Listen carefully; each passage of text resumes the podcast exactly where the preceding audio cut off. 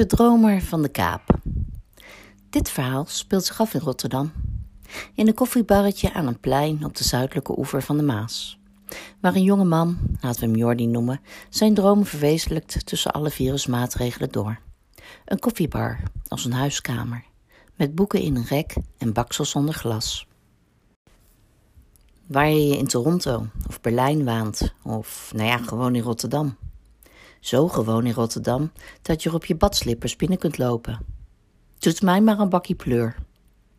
Dat bakkie pleur is goddelijk, lokaal gebrand door de jongens van Schot in het westen van de stad. En als je toch een bakkie doet, kun je net zo goed even losgaan op de ontbijtopties. Uit het Midden-Oosten, Seoul of gewoon uit Rotterdam. Al blijf je de hele dag. Doet niemand moeilijk over. Krul lekker op, badslippers op de vloer, boek onder handbereik. Bestel een goed glas wijn of zelfgemaakte ijsthee en bespied van onder je oogharen de buurtbewoners op het New Delhi-plein. Zeg ik New Delhi-plein? Ik bedoel Delhi-plein. Maar misschien begint het verhaal ook wel in India. Kijk, onze jonge man studeerde bedrijfskunde aan de Erasmus Universiteit. Met ja, geen idee wat hij later wilde worden. En met bedrijfskunde zit je altijd goed. Kun je geen bel aanvallen. Hij hield van koken. Verwonderlijk was het dan ook niet dat onze droom als menuplanner en analist terecht kwam bij een foodbedrijf. Een bedrijf dat Belgen en Nederlanders dagelijks van een bijna kant-en-klare maaltijd voorziet. Urenlang zit hij nog gebogen over de Excel-sheets op zoek naar verbeterpunten om recepten te ontwikkelen die de gemiddelde Nederlander tot een goed einde kan brengen. Want het moet gezegd, enig cultureel verschil viel er toch wel te bespeuren tussen Belgen en Nederlanders. Die laatste willen vooral binnen 15 minuten een wereldmaaltijd op tafel, waarbij de aardappelen dan vooral in de combi-magnetron moet kunnen garen. Al zijn culinaire bemoeienissen ten spijt, zo'n kantoorbaan was toch niet zijn ding, ondanks het leuke meisje bij de afdeling receptontwikkeling. Dus vertrok hij naar India en Nepal. Altijd een goede plek voor wie het even niet meer weet.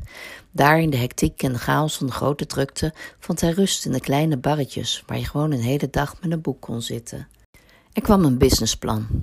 Een beetje Rotterdamse ondernemer maakt zo'n ding op een berg. En toen een bord in Nepal hem welkom, Namaste heette, had hij ook een naam.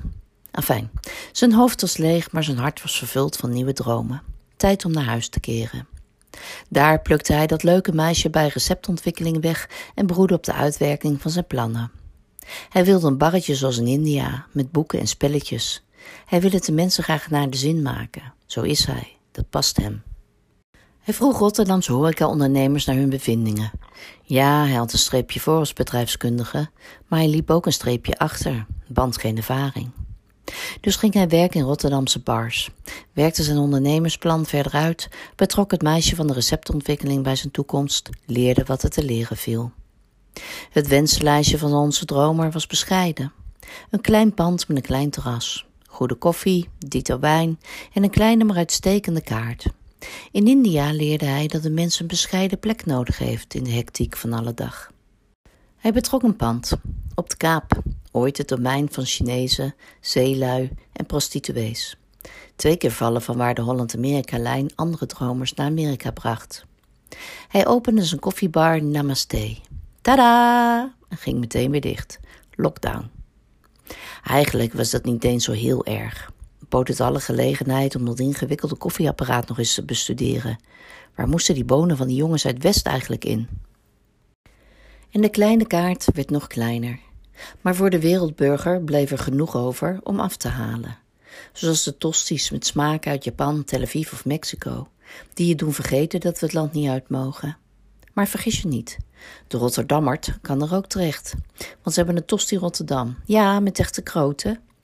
En alle juppen uit de buurt halen er tijdens hun thuiswerkpauzes een koffie. Zie je nog eens iemand? En natuurlijk is het wachten nu op een open-up. Want dat koffiezetapparaat, ja, dat kennen ze nu wel.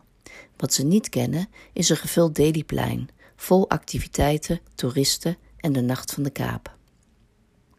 En als het dan straks weer zo'n lekkere Rotterdamse drukke puinzooi is, kun je bij Namaste in alle rust een boekje lezen.